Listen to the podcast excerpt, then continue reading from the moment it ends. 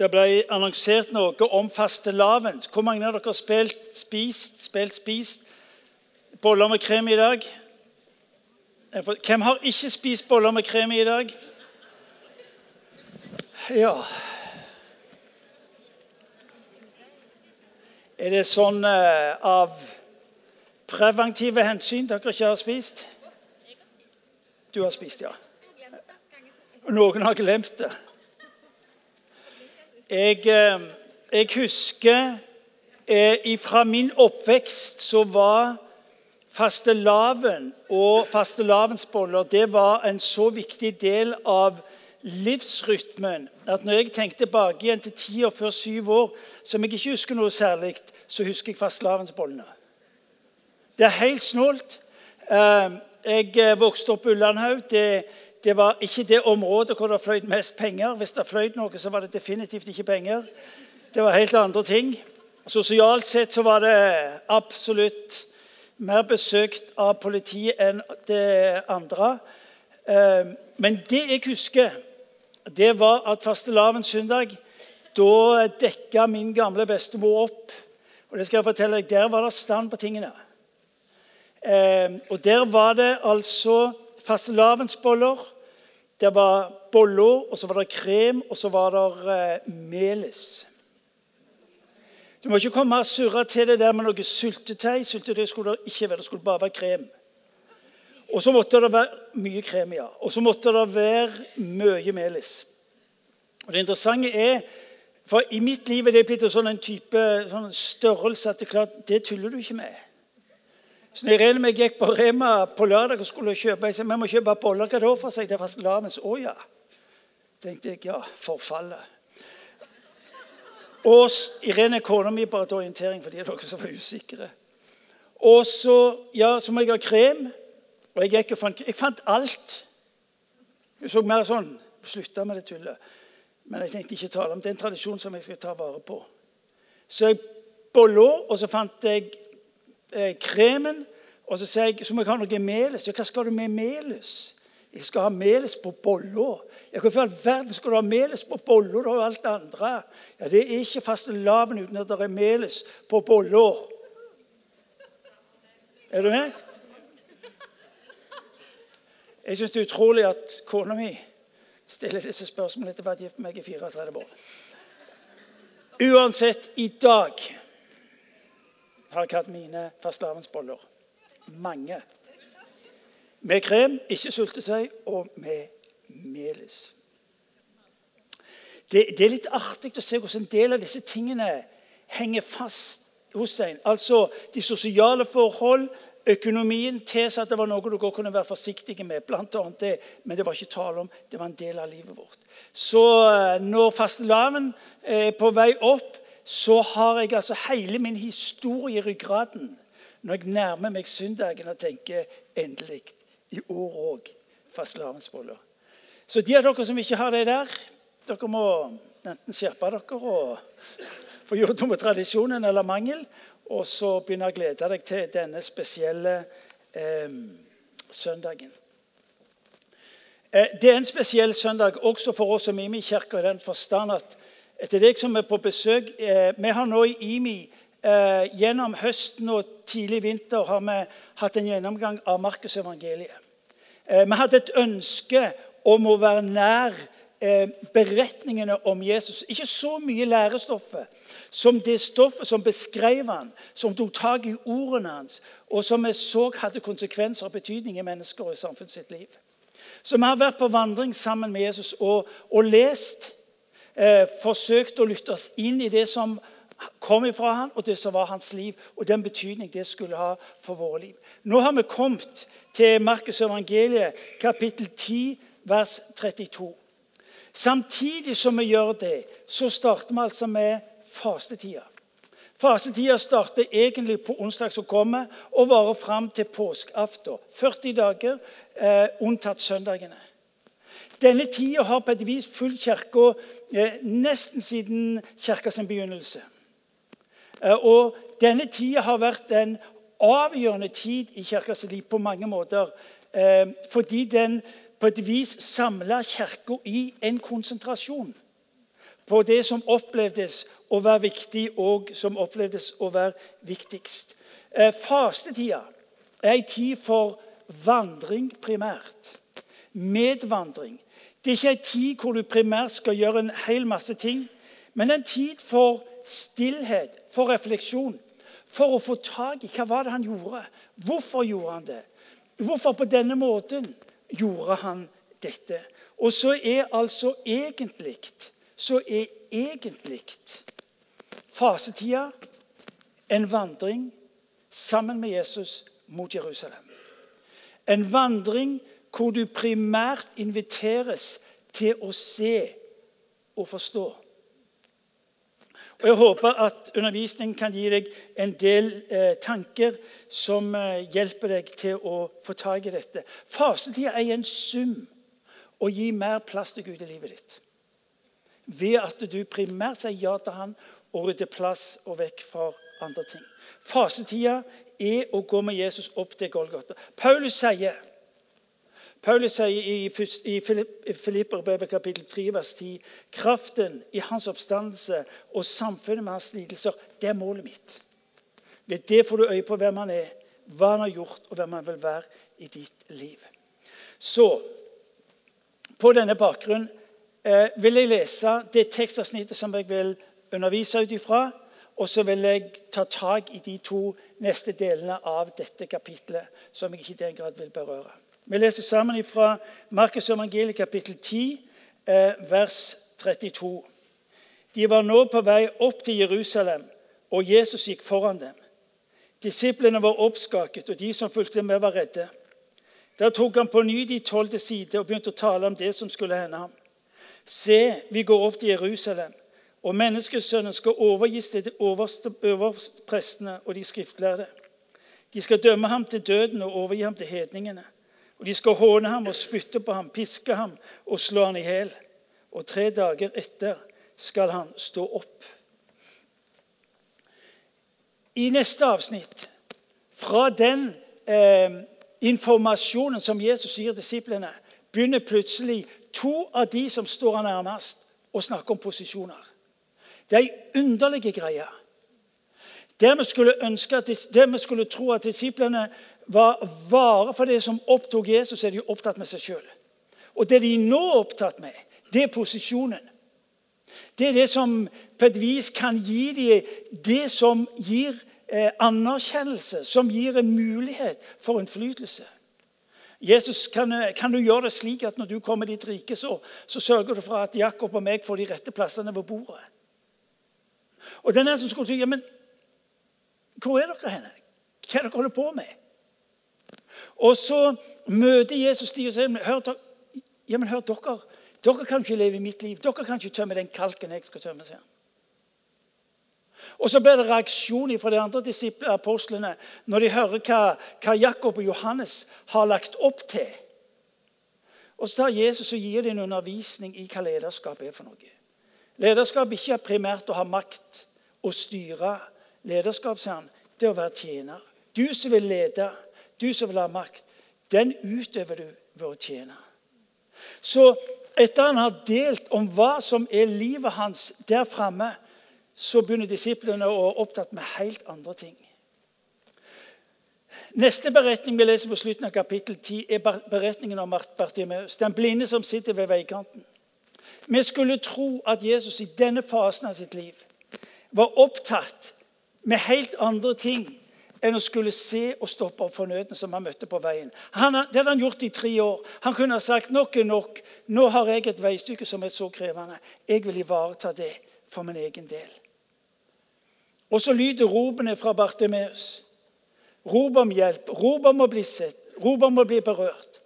Og så stopper han opp, og så ser han midt i sitt eget mørke, midt i sin egen smerte, midt i det som nå i stadig større grad fanger han så ser han mennesker. Og Jeg skal få lov til å fortelle deg og meg at den Gud som du og meg tror på, han opererer ikke med kontortider. Han opererer ikke med arbeidstid. Han opererer ikke med en holdning av at hvis du bare søker meg på de rette tidspunktene, så er det Nei. Fordi hans øyne ser, står der. Hans øyne ser den hvis nød bekjennes for han. Eh, fastetida blir for deg og for meg, og det skal være fokus i dag. Fasetida blir for deg og for meg en påminnelse om at han overtar vår strid, og dermed også våre nederlag. Han er opptatt med at du skal få tak i, at du får stige inn i hans strid, og dermed også hans seier. Fastetiden å få tak i dette er ikke primært hva du skal si nei til, så mye som det du skal si ja til. Og Det er viktig for oss å få tak i. For de faste kan vi gjøre til sånne loviske greier om alt det vi skal slutte med, si nei til. Jo da, eh, det vil være en del av det. Men det primære du og meg nå inviteres i fastetida, det er å gå sammen med Jesus opp til Jerusalem. Det er det viktigste du og jeg skal gjøre. For når du og meg vet hva som blir viktigst ut ifra det, gjør vi prioriteringene. Hvis du og meg skal ta, gjøre prioriteringer ut ifra hva vi skal si nei til, da styres livet vårt av frykt. Men hvis livet mitt gjør, hvor mine prioriteringer gjøres ut ifra at det som jeg tror dette skal jeg få lov til å gjøre fordi det er med på å fullføre drømmene fra Gud i mitt liv, da handler jeg i tro, og alt er mulig. Fasetida er primært en tid hvor du og meg skal få lov til å si ja. Si ja til det som har med han å gjøre. For når du og meg vet hva vi vil, hva som er viktig, vet du hva? da er det også lett, lettere å si nei. De første elleve kapitlene i Markus evangeliet er det som nå skjer? Nå skjer det plutselig en dramatisk endring i beretningen og i formidlingen av evangeliet. De første elleve kapitlene i Markusevangeliet så leser du om et nytt budskap. Og du leser om et nytt liv. Jesus trør inn på arenaen, og han skaper en enorm entusiasme, en enorm begeistring. Vi leser om hvordan han bekjenner og proklamerer at Guds rike er kommet nær, med alt det innebærer. Han, han, omtaler en annen type kjærlighet, en kjærlighet som er nær, en kjærlighet som berører. Han berører de spedalske. Mens man i Gamle testament underviste at hvis du berørte en som var urein, en spedalsk, så ble du sjøl urein. Mens det som nå er bildet, er at nei, den, når den som er rein, berører den som er urein, altså spedalsk, så blir altså den spedalske rein. Det evangeliet som har kommet til oss, og som revolusjonerer. Han løfter barna opp. Han løfter mennesker opp på en slik en måte at de skjønner at det er jo ikke forskjell på oss. Vi er alle like, likeverdige, og det er ingen skille. Men vi ser òg hvordan i disse første kapitlene i Markus evangeliet involverer. Han involverer alminnelige mennesker. Han involverer dem og gir dem makt og myndighet. Han sender dem ut med en autoritet som de ingen trodde var mulig. Helbred de syke, forkynn evangeliet, vekk opp de døde. Ti kapitler som er fullstendig sammenpakka av et nytt liv, av en ny type virkelighet. Og så er det noe som skjer. Fra det positive, fra det livsforvandlende, til ord om smerte, til ord om død og død og oppstandelse. Og så står det at disiplene forstår ingenting. De hadde forstått det grensesprengende, det som var preget av begeistring og entusiasme. Nå tar han de inn i en helt annen virkelighet. Gå opp til Jerusalem. Og eh, Disiplene visste hva det innebar. Gå opp til Jerusalem for å dø. Nå fremtrer Jesus på en ny måte, med et nytt innhold og en ny retning. Og la det være sagt en retning han sjøl valgte. Jesus ble ikke plutselig overmanna og overvelda av en ondskap som tok over. Jesus styres ikke av ondskap. Jesus styres ikke av at omstendighetene plutselig skifter. Nei. Menneskesønnen har kommet, sier han. Hans retning er en valgt retning. Hans mål med Jerusalem og korset er et valgt mål. Det er ikke djevelen som tar livet. Eh, av Jesus. Det er Jesus som gir sitt liv. Som løsepenge, ser han, for mennesket. Så når Jesus snakker om å velge Jerusalem, så velger han fordi at han elsker. Jesus kom til denne verden med ett sikte. Det var å ta menneskets plass, menneskets straff, og ved det rekker mennesket frihet og frelse. Fastetida er den tida som spesielt hjelper deg og meg til å få øye på dette. Derfor blir det så viktig for oss. Nå handler det om han og deg til Jerusalem for å dø. Denne vandringen og min invitasjon til deg er å la fastetida få lov til å fange deg. At den skal få lov til å fylle deg på en sånn måte at måten du eh, fungerer på i denne tida, det du tar inn, hjelper deg nettopp til å se. To enorme bilder. To voldsomme bilder. Det ene bildet du møter i fastetida, det er menneskets fortvilte situasjon, syndens konsekvens. Fra å skulle motta alt det Jesus rekte av det vidunderlige, til nå en tid framover til å få øye på at grunnen til at denne Jesus Kristus, full av nåde, full av sannhet, gjennomlever en smerte som er helt ubegripelig, at det skjer pga. meg og pga. deg. Det er det ene bildet. Det andre bildet er også Guds mektige kjærlighet. En kjærlighet som du vil forstå mer og mer også inn, anvendt inn i livet ditt. Mennesket ble født til fellesskap med Gud den allmektige. Det er det du leser om ved Bibelens begynnelse. Mennesket valgte å vende Gud ryggen. Eh, og ikke ha Gud i sitt liv. Synd er primært få tak i dette, synd er primært å avvise Gud som Herre. Våre regnestykker er det Ja, er det synd? Er det synd? Hvis jeg gjør det, er det synd? Det primære det primære med når vi snakker om synd, er at mennesket sier det vi ikke noe med deg å gjøre, Gud. Når Bibelen taler om, ven, om omvendelse, så betyr det å skifte et annet sinn til et annet sinn. Det betyr å tenke annerledes. Hva betyr det? Å se Gud annerledes. Vi tror av og til at uh, omvendelse ja, det betyr nå må jeg ikke synde så mye. Eller nå må jeg slutte å synde, og så må jeg forbedre meg, og så må jeg ta meg sammen. Og så er det en hel masse greier på hva jeg skal gjøre. Omvendelse betyr å skifte sinn. Hva vil det si? Å ikke snu ryggen til Gud, men snu ansiktet mot ham. For at han ved sitt liv kan nyskape det som skaper forandring i ditt liv. Vet du hva, folkens? Dette er grassat viktig å få tak i. For så mye av omvendelsen har tatt utgangspunkt i hva du skulle slutte med, og hva du skulle vende ryggen til. Istedenfor å forstå at omvendelse betyr å vende meg mot Han. For at Han kan gi meg det som forvandler livet mitt. Bli forvandlet, sier han. Ikke ta deg sammen, men bli forvandlet. Ved fornyelsen. Hva betyr det? Det som jeg gir deg, og som forvandler livet ditt. Får du tak i dette her? Vi, vi går nye veier, Imi.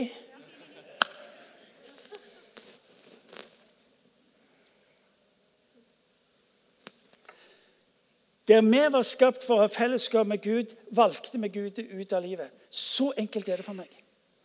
Alle disse diskusjonene det synd og det synd og det synd, er helt uinteressant. Jeg er en større synder eller at jeg er helt uinteressant. Synd til å velge Gud ut av livet sitt. Så enkelt er det.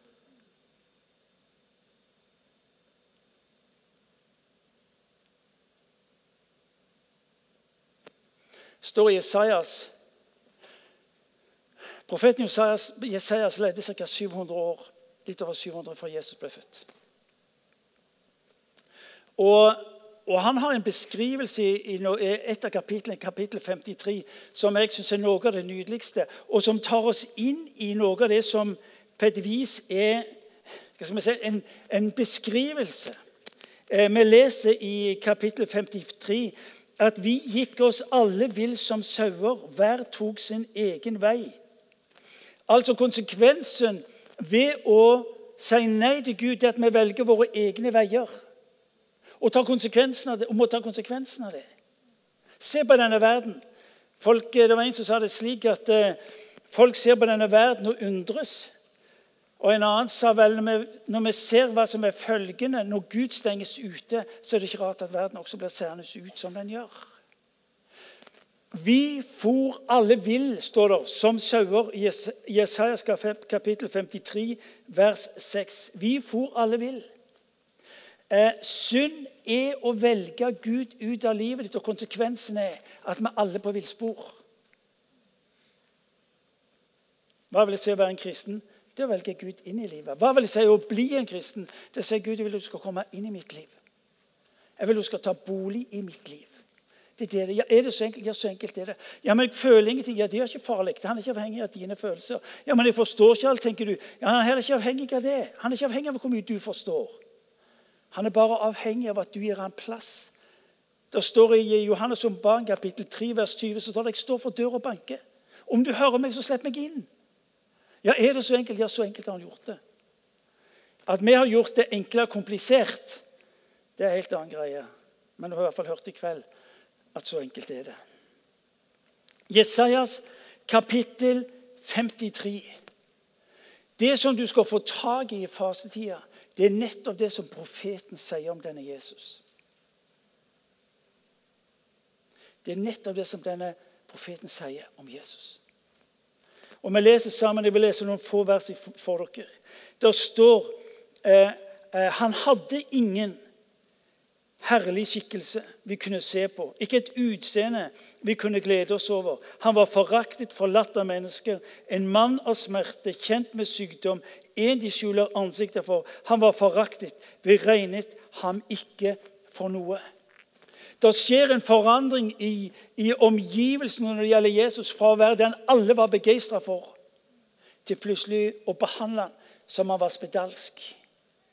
I det øyeblikket han forteller at dette er grunnen til at jeg kommer, så skjer det en forandring. Når han forteller om sitt eget offer, når han forteller om sin egen død, så skjønner de han ikke. Og så leser vi eh, videre sannelig våre sykdommer tok han, våre smerter bar han. Vi tenkte han er rammet, slått av Gud og plaget. I jødisk tradisjon så var det slik at hvis noen opplevde ulykke, hvis noen opplevde motgang, så var det Guds straff. Det var, det var en sånn type tilbakebetaling. Og så var det det som ble regnestykket når de skulle forstå det som skjer med Jesus. At det var Gud som eh, hadde rammet ham. Men han ble såret, står det, for våre lovbrudd, knust for våre synder. Straffen lå på han Eh, vi fikk fred. Ved hans sår ble vi helbredet. Eh, vi gikk oss alle vill som sauer, hver tok sin egen vei. Men skylden som vi alle hadde, lot Herren ramme han. Han ble mishandlet, han ble plaget, og han åpnet ikke munnen. Lik et lam som føres bort for å slaktes, lik en sau som tier når den klippes, og han åpnet ikke munnen. Det Jesus nå tar disiplene inn i, det er vandringen. Det er denne vandringen hvor han altså skal ødelegges. Hvor han skal plages, hvor han skal tortureres, hvor han skal møte alt det ufyselige og umulige.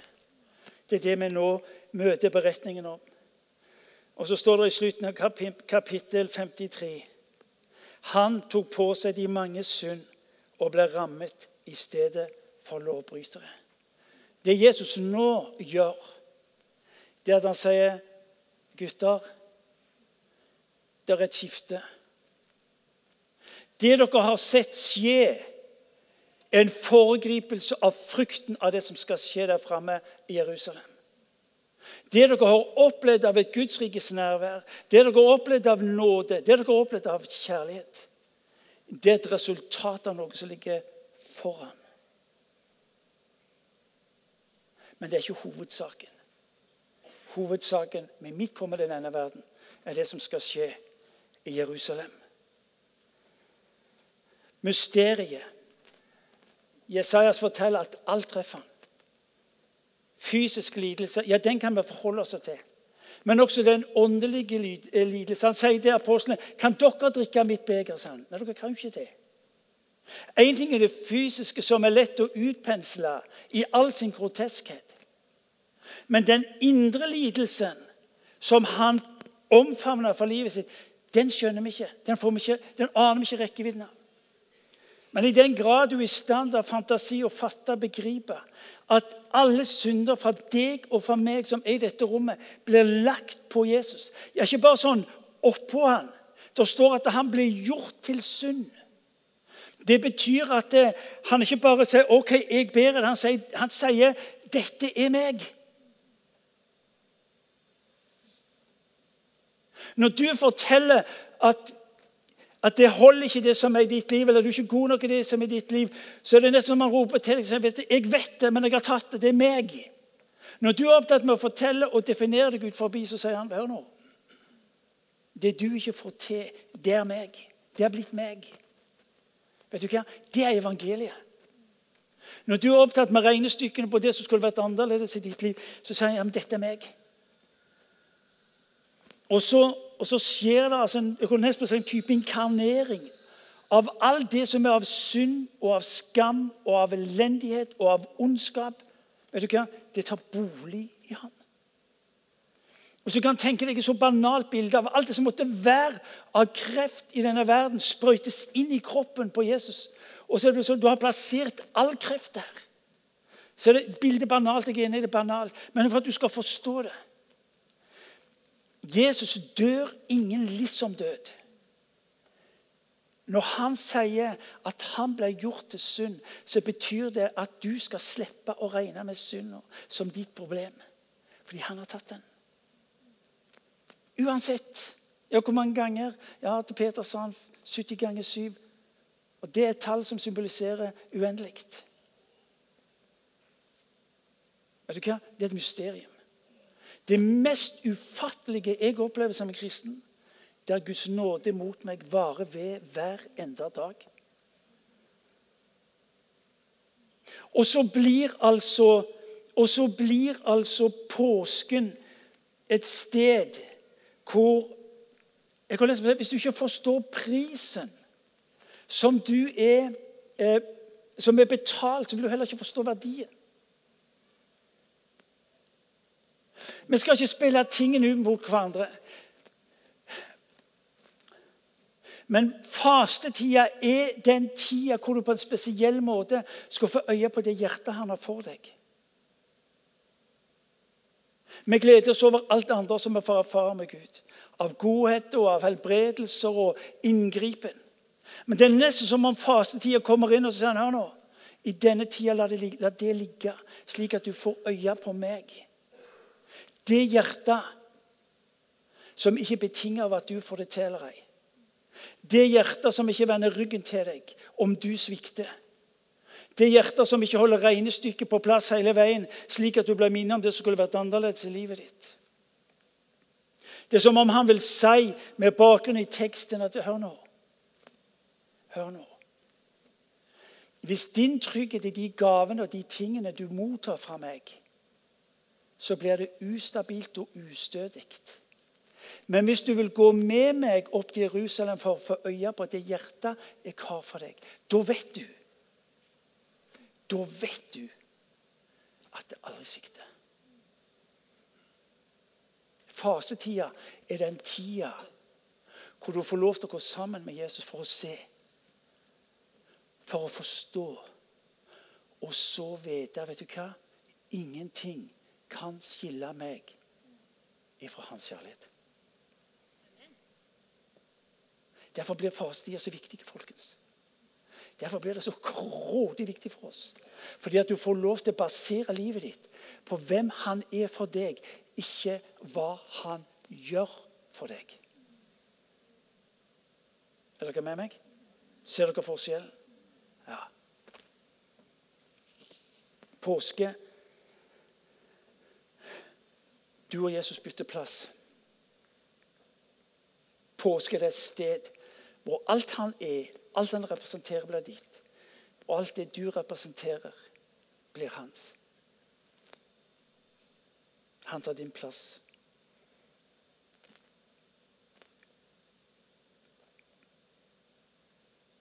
Johannes 3, 16. For så høyt har Gud elsket, for at ikke du skal gå fortapt. Når Jesus trer inn på arenaen og døperen Johannes peker på ham, så sier han se der. Sånn. Se der. Lammet bærer verdens synd. Nå han, forteller han sine disipler ok, nå skal dere få se lammet som bærer verdens synd. Og Disiplene som ikke skjønte det der og da, oppdaget det underveis. Fastetida er en tid hvor du og vi får lov til å være underveis sammen med Jesus for å se hvem han er, og hvem han vil være i ditt og mitt liv. Han tar din og min plass. Maximilian Kolbe, noen av dere har hørt meg nevne han før. Polsk prest. Ble sendt til Auschwitz i 1941. I eh, leiren så oppdager de en dag at eh, en av fangene har rømt. Og dette er historisk bevitna og bekrefta og nedtegna. Så det er alt jeg sier, sant. Og Kommandanten for leiren eh, kaller alle fangene ut på plassen og sier som pris for at én har rømt, skal ti dø. Og Så forteller historien hvordan kommandanten går langs rekka og så plukker han ut de ti som skal dø. Og annet kommer han til Frantisek Gajonovic og sier 'du'. Og Frantisek sier 'men jeg har kone og jeg har barn'. Det betyr ingenting, sier kommandanten. Og Mens han står der, så kommer det en forteller historien en liten mann opp. Og så sier han, 'Kan jeg få lov til å dø i hans sted?' Pastor Kolbe. 14 dager seinere er eh, Kolbe sammen med de andre ti død. I 1982 er det markering av denne hendelsen på Petersplassen i Roma. Mer enn 150 000 mennesker eh, er til stede. Og Det blir trukket en parallell mellom, eh, mellom Kolbe og Jesus Kristus som dør på korset. I den massen av mennesker som står der nede, står også Frandisek eh, Gavoncek sammen med kona og sine barn og sine barnebarn. Frantisek overlevde takket være en liten polsk pater som valgte å dø i hans sted. Bildet er sterkt nok som det er, og allikevel svakt mot det veldige når Jesus sier og tar et skritt fram og sier 'Jeg vil dø for deg'. Jeg vil dø for deg. Han spør ikke til historiene, men han sier 'jeg vil dø for deg'. Skal vi bytte plass? Skal vi skifte? Og Så mottar du livet, så tar jeg straffen. Ja, men Hvorfor elsker du på den måten? Det er nettopp det vi vil at du gjennom fasetida skal få øye på for å forstå hvor høyt han elsker. La oss gå opp Jerusalem, er innholdet i denne undervisningen. En vandring som gir deg å se hva Jesus har gjort for meg. Ikke bare hva han tilbyr, ikke bare hva han ordner opp i, men en Jesus som dør for syndere. En Jesus som dør for deg og for meg. Et de som står der at uansett så er det hans budskap, Martin, jeg dør for deg. Jeg dør for deg, Martin, fordi at du aldri i evighet skal være tvil om at det jeg gjorde for deg, det holder. Og Når du ser korset der bak, du blir minnet om nattværen her framme, så vil jeg at du skal vite en ting. Hans ord står fast. Det er det ene.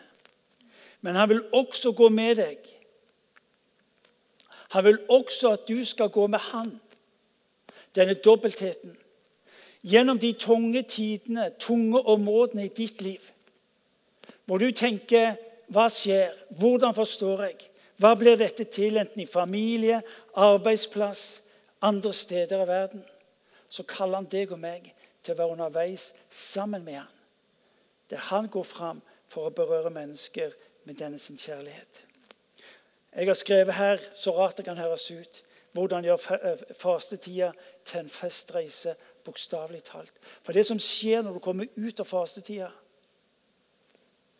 det er at du ser annerledes. Du hører Guds ord annerledes. Du forstår hvem han vil være for deg annerledes. Så de siste minuttene rent praktisk og rent konkret. Fram til påsken velg inn i livet ditt Guds ord. Velg inn i livet ditt og skulle lese. Finn fram de tekstene som sier noe om påske. Som sier noe om eh, etterfølgelse. Gå tilbake igjen til Gammeltestamentet og les om tekster som tar deg inn i eh, eh, ord som formidler hvem han er og hvem han vil være. La Guds ord i denne tida få lov til å få et fokus om hvem han er. Jeg kunne nesten sagt, Ikke primært alt andre han gir deg, det òg.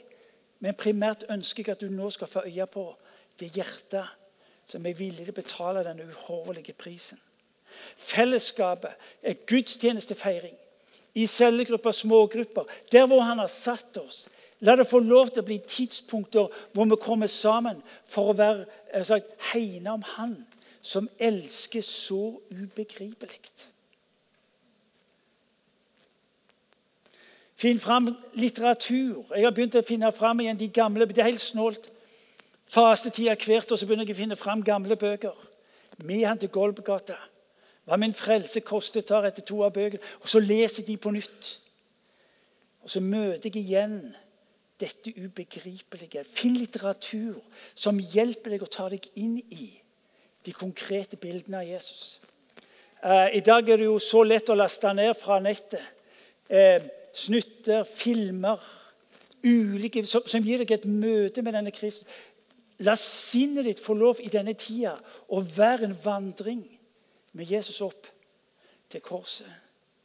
Dere ser at jeg har blitt litt uh, høykirkelig. Det er bare fordi at dere skal skjønne at jeg ikke er helt imot. Lilla symbolet for fastetida. Det er en påminnelse om vandringen. Det er en påminnelse om smerten. Det er en påminnelse primært om kjærlighet. Så mitt råd til dere er finn fram enten det nå var en lilla serviett eller en lilla duk. Og Så plasser den på en åpen plass i huset ditt. Og legg Bibelen opp og la den få lov til å ligge der gjennom hele fasetida. Så er den en påminnelse Vet du hva? Ja, så konkret kan jeg gjøre det. Ta det til meg. Ta det inn. Og så la ordene få lov til å gjøre det gode de kan gjøre med den enkelte av våre liv. Og så er min bønn for meg sjøl og for dere at fasetida også blir som en norm for livet vårt når oppstandelsesmorgenen er feira. At vi lever i dette her beskuelsen, som de sa de gamle. Dette å se Han. For saken er den at det er hva du ser, som har avgjørende betydning for livet ditt. Det er hva du ser hos Han som skaper troen. Det er hva du ser hos Han som skaper hvilen. Det er hva du ser hos Han som gir deg frimodigheten, osv. Og, og du vil oppdage at livet ditt forvandles. Til slutt det er når du ser hva din frelse kostet har, at du også forstår Guds ubegripelige kjærlighet. Hvem Gud er, hvem du er, og hva han ønsker å være i ditt og mitt liv. La oss reise oss, så la oss be.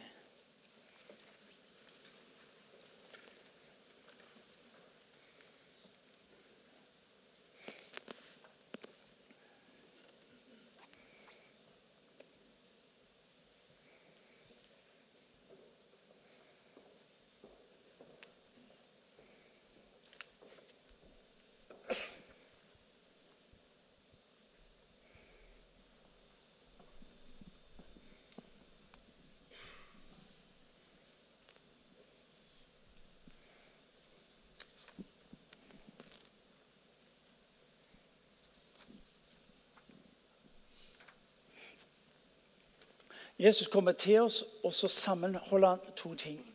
Han snakker om kraften av hans oppstandelse og samfunnet med hans lidelse. Du kan ikke ta hans lidelse. Du kan ikke være med å bære hans lidelse. Men du kan våge fellesskapet hvor du blir ett med hans lidelse. Det er to forskjellige ting. Han vil innlemme deg i sin lidelse, slik at du ser som han ser. Seg sjøl og omgivelsene. Og Samtidig snakker han om kraften i oppstandelsen. Det dynamiske, kraftfulle, underet, miraklene osv. Fastetida skal være en tid hvor du og meg, menigheten, skal få lov til å gå sammen med ham. Og bare få kjenne at steg for steg, dag for dag, nærmer oss målet, nærmer oss høyden forbi Jerusalem, så gir han oss på nytt forfriska bilder av hvem han er, og hvem han vil være i ditt og i mitt liv. Kanskje er du her som ikke er en kristen, og så tenker du hm, Skjønner ikke hva du snakker om. Da vil jeg du skal vite én ting. At den Kristus som jeg har forsøkt å si noe om i dag, han kommer òg til deg, og så sier han La meg få lov til å være Gud i ditt liv. La meg få lov til å være Jesus i ditt liv. Og du vil oppdage, når du slipper meg til, hvem jeg er, og hva jeg vil være i ditt liv. Så du kan ta imot Jesus der du står. Du kan bekjenne frimodig og si vet du hva, jeg er ikke sikker på at jeg skjønner så mye av det. Han sier det gjør ikke så farlig. Jeg skjønner. Og det er mulig du tenker at har ikke alle tingene på plass i mitt liv og bør kanskje vente. Og han svarte deg det er ikke farlig. Alle tingene er på plass i mitt liv. Det holder, det. Det han sier til deg, det er la meg få lov til å være Gud i livet ditt. Og det er det eneste du trenger til. Så eh, la oss be.